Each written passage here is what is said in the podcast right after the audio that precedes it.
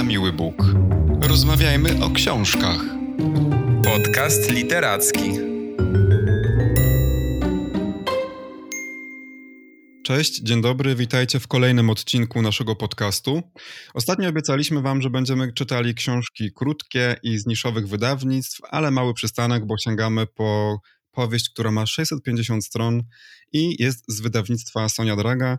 Mówimy o książce Patria Fernando Aramburu, książce, którą przetłumaczyła Karolina Jeszecka. Powieść została nam wysłana przez wydawnictwo na naszą prośbę, za co oczywiście bardzo dziękujemy. To jest książka, o którą poprosiliśmy wydawnictwo jakiś bodajże rok temu, ale nie było czasu, żeby, żeby po nią sięgnąć, ale w końcu postanowiliśmy się z tym tematem zmierzyć, bo jest niezmiernie ciekawy. Cześć Kamil. Cześć Maćku, witajcie wszyscy. Rzeczywiście książka nie jest najnowsza, bo wydana w Hiszpanii w 2016, w Polsce w 2018. Od razu powiem, że ona się też spotkała z bardzo dobrym i pozytywnym odbiorem e, i u jakby krytyków literackich i, i u czytelników. W 2019 roku znany magazyn literacki książki uznał ją za najlepszą książkę roku 2018. I w ogóle mówimy o książce, która jest ogromnym bestsellerem. E, pojawiła się na rynkach w 30 krajach. E, w Hiszpanii sprzedało się jej ponad milion egzemplarzy, co jest przecież e, ogromnym sukcesem. HBO też nagrało na podstawie książki serial. I powieść w okresie wydania była też szeroko komentowana w kraju Basków, bo będzie ona nawiązywać właśnie do najnowszej historii tego regionu w Hiszpanii. Y, dyskutowano ponoć o niej wszędzie. Od pubów, przez stoły w trakcie rodzinnych uroczystości, y, aż do bibliotek, forów lokalnych, internetowych. Wzbudzała bardzo silne emocje. Jedni zgadzają się z jej przesłaniem, inni nie. Temat jest bardzo drażliwy, bo właśnie polityczny, y, mówiący o dążeniu kraju Basków do wyzwolenia się, że tak to ujmę, z, spod władzy rządu hiszpańskiego. Więc jedni popierają, inni oskarżają. Niemniej jednak y, podsumuję to tak, że po prostu książka wzbudza ogromne emocje. No właśnie, to dla tych, którzy może nie wiedzą, co to jest kraj Basków, to jest historycznie taka kraina, która istnieje w, właściwie na części ziem hiszpańskich i francuskich. W y, Hiszpanii kraj Basków, no chyba słynie z tego najbardziej, podobnie jak Katalonia, że swego czasu były tam dosyć mocne nastroje separatystyczne. No i tam właśnie dzieje się akcja tej powieści w Baskonii, w kraju Basków, czy też w języku baskijskim e, powiedzielibyśmy w Euskadi. Bohaterowie tej powieści mieszkają w bezimiennym miasteczku w prowincji Gipuskła i tworzą dwie rodziny, do tej pory bardzo sobie przyjazne, utrzymujące zażyłe więzi. No i nagle z dnia na dzień obie rodziny właściwie stają się wrogami. Przyjaźń zmienia się w nienawiść, E, a wszystko to z powodu przemocy, która oczywiście ma podłoże polityczne, bo w tle e, tej powieści, a może też na pierwszym planie, właściwie nie wiem, e, pojawia się ETA, czyli separatystyczna organizacja terrorystyczna, właśnie działająca na terenie kraju Basków. Ona istniała w latach 1959-2018. No I co ciekawe, w 2011 roku ETA zadeklarowała trwałe zawieszenie broni e, i rezygnację z przemocy, i to jest właśnie moment, w którym właściwie ta powieść się zaczyna. E, a wspominam o tym dlatego, że sam autor mówi, że powieść nie, nie mogłaby się zadziać, ta historia nie mogłaby się wydarzyć, gdyby terroryzm nadal istniał. Chodzi o to, że jedna z bohaterek, e, matka jednej z tych rodzin, wraca do miasteczka, w której ETA zabiło jej męża i postanawia się jakby skonfrontować e, z tym, co w tym miasteczku zastanie, między innymi właśnie z, z, jego mieszkańcami. Od tego momentu rozpoczyna się mniej więcej powieść i ona prowadzi do takich, mm, do ostatniej sceny, o której oczywiście nie powiemy, ale która w tej książce jest bardzo ważna. I autor właśnie mówi, że właściwie cała powieść jest tak naprawdę prologiem do tej ostatniej sceny, a to dlatego, że Aramburu siadając do pisania tej opowieści, od razu widział tę scenę końcową. Ona była dla niego bardzo ważna. Także to jest taka jedna ze szkół, prawda, pisania powieści, bo są dwie, albo autor siada i już wie, jakie będzie zakończenie i pisze książkę zmierzając do tego zakończenia. I tak było właśnie w tym przypadku, a druga szkoła to na przykład y, Joanna Bator o tym mówi, że siada, ma początek, ma zdanie, ma jakąś e, scenkę, jakieś wrażenie, które rozwija i sprawdza, gdzie powieść ją e, zaprowadzi. No więc, e, tak jak powiedziałem, książka zaczyna się w, w momencie, kiedy ETA postanawia zawieszać broń, a właściwie większość powieści to są takie retrospekcje, które wracają do czasów, kiedy ETA w pełni działała i dokonywała ataków terrorystycznych, między innymi właśnie w miasteczku, w którym żyją bohaterowie tej książki. Tak, i są to retrospekcje, tutaj trzeba dodać, które też nie są poukładane chronologicznie, także czytelnik jest taki, tak trochę rzucany pomiędzy latami, a w zasadzie pomiędzy trzema dekadami, bo y, od połowy lat 80. właśnie do tego 2011 roku akcja powieści się dzieje. Y, I tak jak wspomniałeś, tutaj mamy dwie rodziny, łącznie około 10 bohaterów, bardzo takich barwnych i charakterystycznych, y, ale nie wiem, czy się ze mną zgodzisz, ale wydaje mi się, że dwójka bohaterów nadaje szczególny ton i określa losy pozostałych. Y, I mam tutaj na myśli Hoshie Marie, który jest przedstawicielem jednej z rodzin.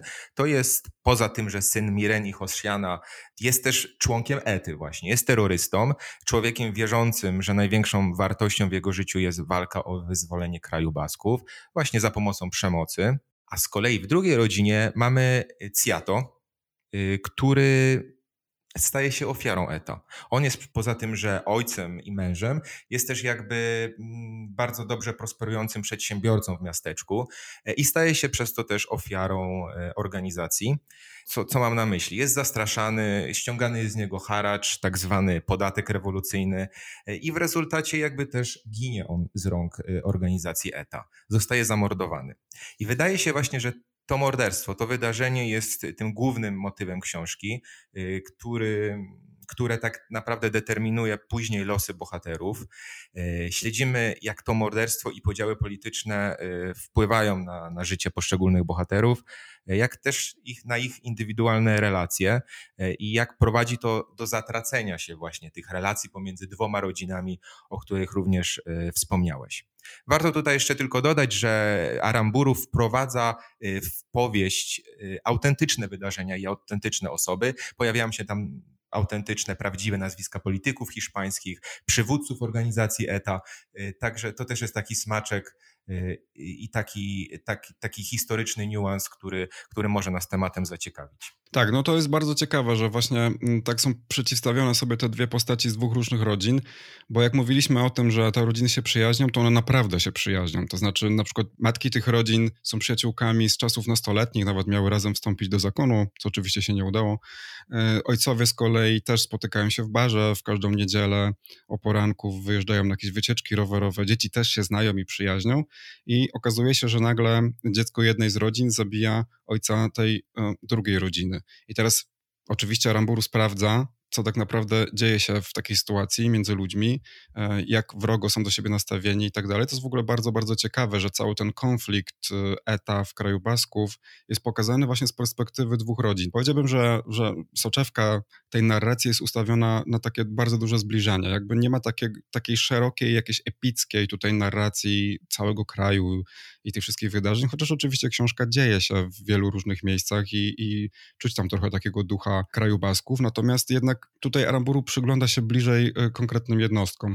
Faktycznie ten Jose Marie to jest taka jedna z ciekawszych y, y, dla mnie tutaj y, osób, bo mnie bardzo ciekawiło, jakie motywacje może mieć ktoś taki że zostaje, wiesz, buntownikiem organizacji terrorystycznej i spodziewałem się tutaj jakiegoś może ideologicznego zamiłowania, czy, czy nie wiem, że on jakoś będzie w stanie umotywować to, że zdecydował się właśnie w taki sposób walczyć o niepodległość.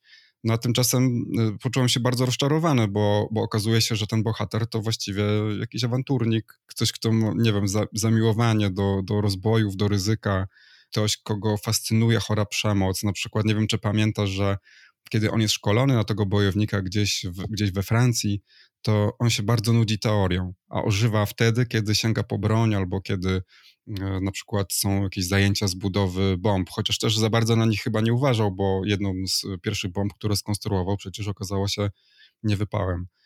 Jest też takim facetem, który chełpi się na przykład tym, że podpalił piąty bankomat z kolei w tym miesiącu i, i mówi to swojemu młodszemu bratu i cieszy się tym, że, że widzi pewnego rodzaju zachwyt na twarzy tego brata, który właściwie nie jest zachwytem, a, a przerażeniem. No i okazuje się w gruncie rzeczy takim prostym, niewykształconym chłopakiem, któremu wcale nie chodzi o jakąś ideologię, a tylko i wyłącznie o, o rozruby. Powiem ci, że zgadzam się z tym, co mówisz o Hosie Marie, bo ja nie mam do niego zarzutów, ale mam trochę zarzuty do samego autora, jak tę postać rozwinął albo jak ją nam przedstawił, ale nie chciałbym też mówić tej chwili o tym. Później powiem Ci, co mi się nie podobało w książce i zahaczę o tę postać, ale wracając jeszcze właśnie do bohaterów, bo, bo José Marie jest takim bardzo charakterystycznym bohaterem, który będzie na pewno interesujący dla większości mm, czytelników. W ogóle muszę powiedzieć, że te 600 stron mm, pozwala jakby poznać tych, y, tych ludzi, tych członków tych dwóch rodzin yy, tak bardziej dogłębnie niż w sposób powierzchowny. Jakby czytając ponad 600 stron jesteśmy w stanie poznać yy, nie tylko jakby stosunek y, bohaterów Patrii do polityki, ale też jakby ich codzienne rozterki, takie odklejone od, od polityki. Y, tutaj jakby autor się sprawdza i te postaci, te profile psychologiczne są fajnie nakreślone, interesujące i, i złożone, y, ale jakby po przeczytaniu Patrii mam, mam taki, taki schemat, taki podział bohaterów na tych, Y, którzy są w stanie usprawiedliwić mordowanie w celu wyzwolenia kraju. I tutaj y, jest właśnie José Marie, ale też jego matka Miren, która jest wyjątkowo niesympatyczną postacią i wyjątkowo upartą postacią. Myślę, że będzie wzbudzała emocje y, wśród czytelników. I z drugiej strony są ci bohaterowie, dla których działania terrorystów nigdy nie zostaną usprawiedliwione. I tutaj co ciekawe, w taki sposób myśli na przykład siostra Josie Marii, terrorysty, i jego ojciec. Y, siostra Arancia jest w ogóle taką postacią, która mi najbardziej imponuje, bo poza tym, że jest przeciwnie nastawiona do terroryzmu, to jeszcze potrafi z odwagą, mimo swojej niepełnosprawności cielesnej, potrafi z odwagą o tym mówić, pisać, komunikować że jest przeciwna temu, co zrobił jej brat. Tak, ale wiesz co, nawiązując jeszcze do tego Josia Marii, jest bardzo ciekawe, o tym za bardzo nie możemy powiedzieć, bo to się dzieje pod koniec książki, nie chcielibyśmy psuć tej przyjemności z czytania oczywiście, jak ta postać się zmienia. Ten chłopak dojrzewając i stając się dorosłym mężczyzną, on nagle rozumie tak naprawdę, co zrobił. To jest też dowód na to, że kiedy zaciągał się do ETA, był no, takim młodym y, i głupim chłopakiem, którego bardzo łatwo było omotać. Znaczy, on, mnie to strasznie uderza, że on tak naprawdę nie jest w stanie wyjaśnić, dlaczego on walczy o y, wolną Baskonię, dlaczego walczy o niepodległość swojego kraju, bo po prostu ktoś mu tylko powiedział, że Hiszpania jest ciemiężcą i on w to wierzy, ale tak naprawdę nie jest w stanie tego słowami wyjaśnić. I mam trochę takie wrażenie, że bardzo często E, taki właśnie skrajny nacjonalizm e, w ten sposób jest wtłaczany młodym ludziom. Okej, okay, no to skoro e, tak uderzasz do José Marino, to muszę powiedzieć co ja myślę na, na, na, jego temat, a w zasadzie na, na temat tego, jak z tą postacią poradził sobie Fernando Aramburu, bo ja uważam, że ta postać jest trochę niedopracowana bardzo interesujący jest ten moment przemiany w nim. No to jest bohater dynamiczny i, e, i to może dawać nam jakieś wskazówki, ale za mało wiemy właśnie o, o źródłach jego fanatyzmu.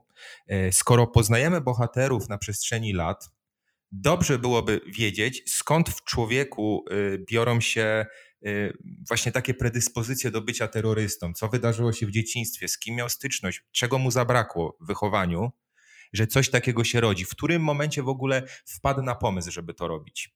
To jest pierwszy mój zarzut. Ale ja to widzę w książce. To, to jest chyba takie dosyć stereotypowe, bym powiedział, że ta Miren, o której mówiłeś, czyli matka tego chłopaka, jest po prostu osobą, która nie potrafi kochać tak naprawdę swoich dzieci, swojego męża. To jest taka trochę rodzina bez miłości. Ale też ta książka mówi przecież o tym, kiedy to się u niego zaczynało. Jeszcze zanim wstąpił do ETA, on jak był nastolatkiem, to on się interesował jakimś takim zabijaniem zwierząt, polowaniem, jakimś takim, ale takim fanatycznym, takim wiesz, takim chorym, niezdrowym. Oczywiście to jest moje życzenie tylko i wyłącznie, natomiast chciałbym, żeby autor pokusił się o to, żeby z tej poprawnej i pożytecznej mimo wszystko książki zrobić coś więcej, jakby wprowadzić pewną zadziorność w tę treść, włożyć ten przysłowiowy kij w mrowisko, żeby zrobić y, z Patrii coś takiego, co będzie, co będzie trochę wychodziło ponad taki bardzo komfortowy sposób patrzenia na nacjonalizm. Bo wiadomo, każdy z nas, y, pochłaniaczy literatury, czytelników, no, jest ogarnięty i,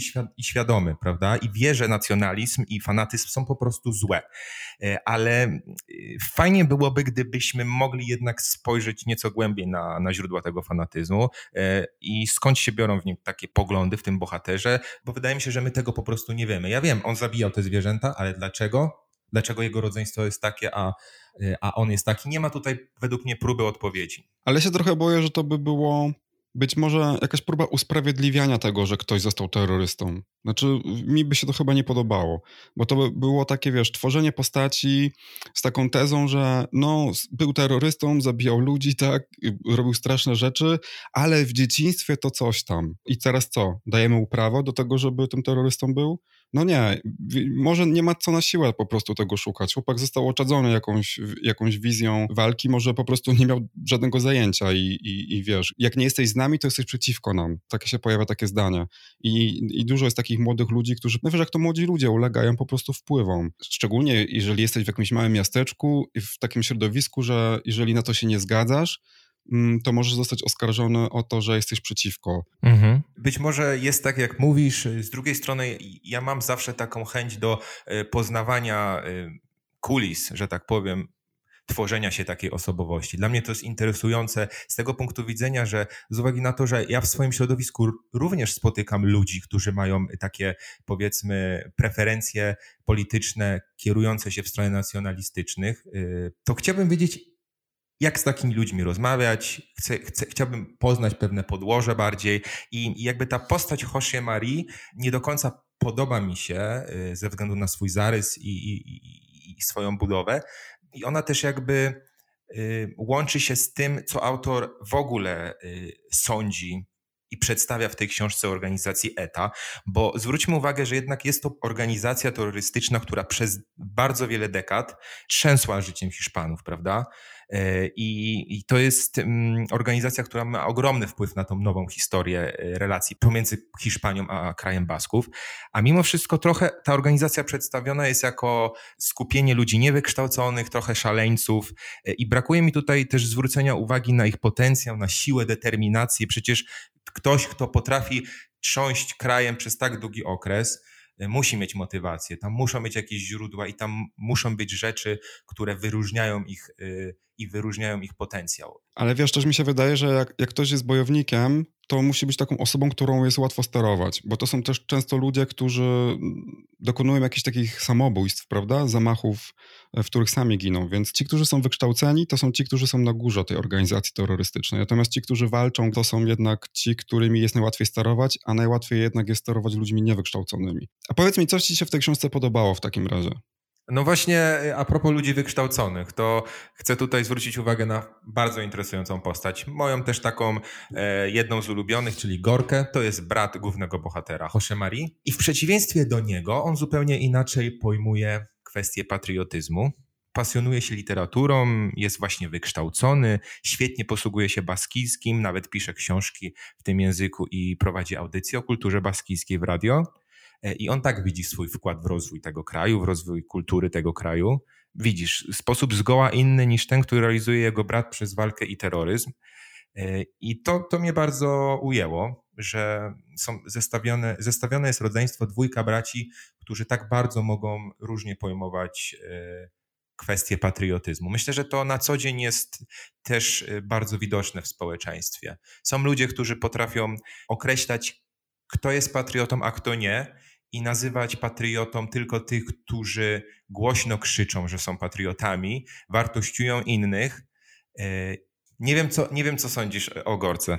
Ta Gorka jest taką ciekawą postacią, która właśnie pokazuje, że faktycznie można być patriotą w taki normalny sposób. I też mi się podoba to, co ty mówisz, bo we współczesnej Polsce też istnieją takie narracje, że pojawia się właśnie grupa ludzi i oni mówią, my jesteśmy patriotami, a wy nie. Albo jak nie jesteście z nami, to znaczy, że wy nie jesteście Polakami, my jesteśmy Polakami. Albo my jesteśmy lepszymi Polakami niż wy. I tak samo było w kraju Basków. Nie? Że, że przyszła jakaś grupa, która powiedziała, to jest nasza ojczyzna i ten, kto z nami nie będzie walczył, jest przeciwko nam, w związku z tym musi z tej ojczyzny wyjechać. I myślę, że też o to chodzi w tytule tej powieści, patria, czyli ojczyzna. Myślę, że Aramburu chce nam powiedzieć, że nikt nie może przyjść i powiedzieć, że nie wiem, ta ojczyzna jest bardziej mojsza niż twojsza.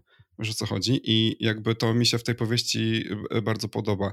Ale to, co podoba mi się najbardziej, to klimat miasteczka, w którym żyją bohaterowie. To jest coś, co mnie przeraziło po prostu.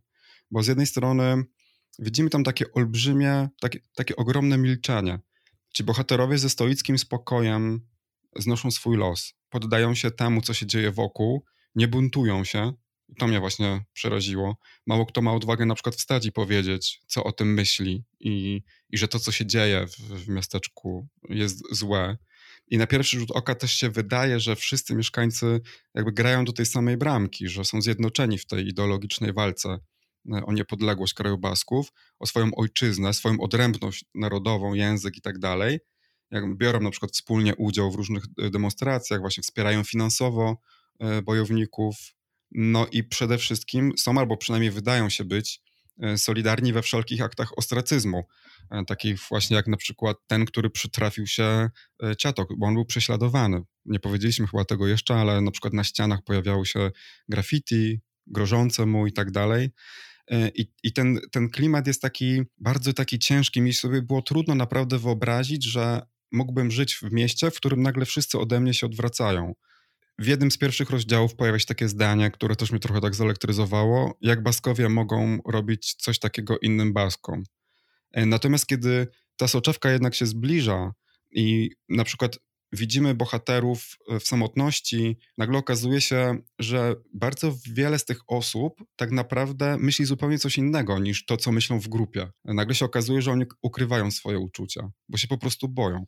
Są otoczeni jakąś taką paniką, strachem, który ich paraliżuje. I to było dla mnie e, straszne, bo to przypominało mi trochę takie najciemniejsze karty mm, naszej historii że po prostu ludzie nie są w stanie wstać i powiedzieć: Nie, to jest złe, nie możemy tak robić. Tak, zgadza się. Myślę, że to też jest charakterystyczne dla takich małych miasteczek, taka pewna kompromisowość i e, strach przed opinią publiczną i przez to właśnie chodzenie na takie kompromisy, które e, są trochę uwłaczające po prostu dla, dla, dla człowieka, jako dla istoty empatycznej, która potrafi zawiązywać relacje i powinna ich chronić. Tutaj e, te relacje mm, są przerywane e, ze względu na tę politykę i, i ten nacjonalizm, który który sprawia, że narastają antagonizmy, zacierają się właśnie granice między patriotyzmem a skrajnym patriotyzmem właśnie w tej formie nacjonalistycznej, to występuje i ta spirala nienawiści i upadek moralny właśnie y, w bardzo szybki sposób wchodzi w życie mieszkańców tego małego miasta.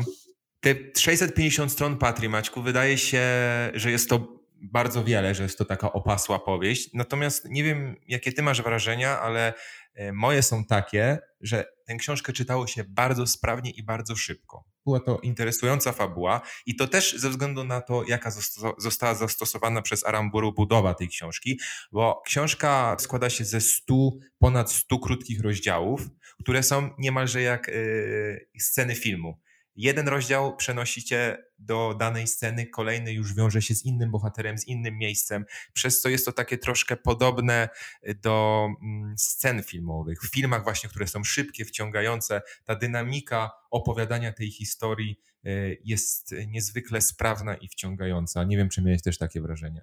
No tak, zgadza się. Tekstu jest bardzo dużo, natomiast on jest tak bardzo sprytnie podzielony. E, też warto chyba dodać, że narracja nie jest chronologiczna, bo właściwie autor skacza w każdym z tych rozdziałów. Tam czasami są po dwa, trzy rozdziały na temat jednej postaci, później przeskakujemy na jakąś inną postać, niekoniecznie w tym samym czasie i tak oto właśnie w, w takich licznych retrospekcjach poznajemy po kolei punkt widzenia mm, różnych bohaterów na tę samą sprawę. Bardzo podobny zabieg został później wykorzystany w tym serialu, o którym mówiłeś, e, bo miałem przyjemność ten serial obejrzeć, bardzo go polecam, jest bardzo fajny. Natomiast jeżeli mówimy o konstrukcji tej książki, czy jej literackiej wartości, to moim zdaniem ona jest literacko słaba. To znaczy, sama ta historia być może jest ciekawa, chociaż myślę, że ta książka mogłaby być dużo, dużo krótsza i też nie znajduje za bardzo ani nic ciekawego w języku, ani tak naprawdę w, um, takiego literackiego w samej tej opowieści. To znaczy, myślę, że nie chcę powiedzieć, że to jest akurat jakiś tam duży zarzut, bo myślę, że Aramburu chciał, aby ta książka była bardzo przystępna, żeby ją się łatwo czytało, właśnie po to, żeby przeczytało jak najwięcej osób. Tak, myślę, że to też jest y, znaczące i y, ja y, uważam, że to jest pożyteczna książka, mimo tego, że ten warsztat literacki jest powiedzmy sobie co najwyżej przyzwoity, E, to jest to pożyteczna książka, bo ona jest taką książką dla młodych pokoleń, które muszą się też uczyć e, tej najnowszej historii. E, nie tylko dla Hiszpanów książka, bo ten nacjonalizm i to podejście dwojakie do polityki jest bardzo uniwersalne i może wystąpić w każdym kraju i występuje w wielu krajach. A to jest ciekawe, co mówisz o tym, że właśnie ludzie młodzi muszą pamiętać o tym, co się wydarzyło, bo okazuje się, że w Hiszpanii przeprowadzono badania i na przykład większość młodych Hiszpanów nie wie, kim był Miguel Ángel Blanco, a był to polityk, który został porwany w 1997 roku przez ETA i to była taka właśnie jedna z najgłośniejszych spraw ETA. Ten polityk był przytrzymywany 48 godzin e, w niewoli i wówczas miliony Hiszpanów, nie tylko właśnie w kraju Basków, wyszło na ulicę, aby zaprotestować i powiedzieć wreszcie stop. To było bardzo, bardzo głośne. Rząd oczywiście hiszpański absolutnie nie chciał negocjować z ETA, bo ETA zażądało w zamian za uwolnienie Blanco zażądała zwolnienia wszystkich bojowników, którzy byli w więzieniach hiszpańskich. E, no i oczywiście to wiązało się z tym, że Blanco został po tych dwóch dniach zabity. A ostatnio też właśnie słyszałem, że z kolei na przykład zrobiono badania e, nastolatków w kraju Basków i okazało się, że wielu z nich nie wiedziało w ogóle, czym jest ETA. I to, co ty mówisz, i co też powiedzieliśmy, że, że ta książka jest napisana prostym językiem, między innymi po to, aby dotarła do jak największej liczby osób, to faktycznie no tak jest, bo sam Aramburu mówi, że chodziło mu o to, by przyszłe pokolenia wiedziały, co się wydarzyło i żeby znały to z przekazów literackich, kinematograficznych, fotograficznych lub historiograficznych, teraz cytuję, które nie usprawiedliwiają terroryzmu i nie wybielają historii. Bo jeśli tak się stanie, nastąpi kulturowa klęska ETA i on jest tej klęsce jako autor oddany. Właśnie to jest to, co mówiłeś na początku, że książka wzbudza y, bardzo różne komentarze w Hiszpanii. Ja też przeszukałem trochę recenzji y, w hiszpańskiej prasie i faktycznie jest taki dwugłos. Bo z jednej strony mówi się o tym, że ta powieść jest niewystarczająca, bo tak naprawdę należałoby przeczytać dużo więcej książek na ten temat, aby uzyskać pełen obraz tego, co się działo e, w kraju Basków. Zarzuca się tej książce między innymi to, że ona zawiera tezę. To o tym mówiliśmy już e, w dzisiejszym odcinku, że przedstawia w gruncie rzeczy separatystów jako wyłącznie złych i że ma na celu jednoznaczne doprowadzenie do pewnej kulturowej klęski ETA. I właśnie tą kulturową klęską ETA z kolei jest no, to, co mówi sam autor i też co mówią zwolennicy tej książki, którzy y, uważają, że książka jest przełomowa, ponieważ dzieli czas na to, co było przed ETA i na to, co jest po ETA. I że w ten sposób ta powieść niszczy narrację, na której zależało terrorystom. Taką właśnie narrację już w tym świecie post-ETA, nie? A robi to właśnie poprzez budowanie narracji z punktu widzenia ofiar terroryzmu, bo Baskowie, w szczególności ci baskijscy, właśnie nacjonaliści, chcą narracji bohaterskiej, mitologizującej i takiej, która pokazuje terroryzm ETA jako desperacką walkę no, o niepodległość kraju, który oczywiście miałby być ciemiężony przez Hiszpanię, bo ETA bardzo chciała, aby ta narracja organizacji wybielała akty terroru, żeby je uznawała za odważne na przykład, nie? albo konieczne, takie potrzebne do uzyskania niepodległości i że to była jedyna droga. No a tymczasem to, co zrobił właśnie Aramburu, jeśli zacznie się opowiadać historię z punktu widzenia ofiar, to ta historia oczywiście nigdy nie będzie taka, jaką ETA sobie wymyśliła. Tak, ta, ta perspektywa jest bardzo interesująca i tutaj w Patrii na podstawie tych rodzin dwóch e, pokazana jest, e, pokazany jest los, bardzo ciężki los właśnie ofiar ETA. I tak naprawdę ofiarą ETA nie jest tylko ta rodzina, w której zginął ojciec. Ta druga rodzina też jest ofiarą ETA, ponieważ straciła przyjaźń ze swoimi dawnymi bliskimi, ponieważ straciła swojego syna, który trafił do więzienia i generalnie ich życie zmieniło się na gorsze. Chciałem jeszcze zwrócić uwagę na jedną rzecz w kwestii języka, który w książce funkcjonuje, bo jest tam taki jeden interesujący w miarę zabieg, czyli wplatanie w tekst y, baskijskich y, słów, które są nieprzetłumaczone w tekście, ale słowniczek baskisko-polski możemy znaleźć na końcu książki i sprawdzać, co one, co te słowa znaczą. E, początkowo trochę irytujący rytuał, ponieważ ta książka jest gruba i skakanie pomiędzy treścią a słowniczkiem jest trochę uciążliwe, natomiast później e, można już te słowa baskijskie pamiętać i już wiedzieć, że ama to jest mama, że Kajsio to jest powitanie po baskijsku. A Aita to ojciec. I ostatnio, przerwę ci, um, rozmawiałem ostatnio właśnie z moją hiszpańską koleżanką i mówiłem jej, że będziemy o tej książce opowiadać w naszym podcaście. I kilka dni później przysłała mi link, bo okazało się, że raptem tydzień temu w telewizji hiszpańskiej na którymś z kanałów był taki talk show, do którego zaproszono kobietę, która w no, bardzo taki emocjonalny sposób opowiadała o swoim życiu, a że była właśnie z kraju Basków, to powiedziała, że gdy miała 21 lat, związała się z mężczyzną, e, który gdzieś tam był uwikłany politycznie, później mm, został samorządowcem, e, burmistrzem miasteczka, w którym mieszkali i od tego momentu stał się celem ETA. I oni poruszali się po ulicy w towarzystwie ochroniarzy i przez 9 lat, ona mówiła, że między 21 a 30 rokiem życia to się wszystko działo, przez 9 lat, jak wsiadali do samochodu i odpalali silnik, to ona wstrzymywała oddech. To taka, wiesz, naprawdę przerażająca była opowieść, ale mówię o tym dlatego, że właśnie ona rysowała na tablicy coś w rodzaju wykresu swojego życia, e, takich e, gór i dołków, i w jednym z dołków była śmierć jej ojca. I w tym miejscu wpisała Aita i narysowała serce wokół tego słowa. I właśnie tylko dzięki tej powieści wiedziałam, e, co to znaczy. No więc właśnie, jest też taka, jest też taka pożyteczna część e, językowa e, w Patrii. Chyba książka literacko-warsztatowo na nas wrażenia nie zrobiła, ale jej obecność na rynku wydaje się bardzo uzasadniona i bardzo pożyteczna. Ja bym to tak podsumował. Tak, zdecydowanie tak. Kilka lat temu, w 2017 roku, więc niedługo zaraz tam po wydaniu właśnie tej książki w Hiszpanii, w dzienniku El País, pojawił się artykuł napisany przez Mario Vargasa Llosa. Artykuł o tytule Kraj ludzi milczących. Właśnie też trochę o tym, o czym ja dzisiaj mówiłem, o tym, co też przeraziło mnie w tej książce, czyli o tym, że wszyscy milczeli, wszyscy zdawali się mm, być zjednoczeni, jakoś tak omamieni, jakby w jakimś półśnie się znajdowali i nikt nie odważył się powiedzieć, że to, co się dzieje, jest złe. I Vargas Llosa, noblista, tak właśnie o tej książce mówi, że jest to książka przekonująca, poruszająca, inteligentnie pomyślana, i teraz chyba zdanie najważniejsze, że jest to fikcja, która jednocześnie jest wymownym świadectwem rzeczywistości historycznej. Więc jeśli lubicie poznawać historię, a tę historię warto poznać właśnie poprzez fikcję literacką, to to jest książka idealna do tego. Tak, jest to zdecydowanie fantastyczny sposób na wejście w tematykę kraju Basków i tego konfliktu z rządem hiszpańskim. Ja o tym nie wiedziałem wiele, y, ale myślę, że ta książka y, bardzo rozbudziła moje zainteresowanie tematem i zgłębianiem i będę chętnie zgłębiał e, temat dalej. Tak, bo tym bardziej, że ona ma coś takiego, czego nie da ci ani esej, ani reportaż. E, ma coś takiego właśnie, co może przekazać tylko fikcja literacka. Kamilu, dziękuję Ci bardzo za dzisiejszą rozmowę, a my słyszymy się już za dwa tygodnie. Dziękuję bardzo, do usłyszenia. Dzięki Maćku za rozmowę. Słyszymy się w kolejnym odcinku podcastu miły Bóg. Rozmawiajmy o książkach. Podcast literacki.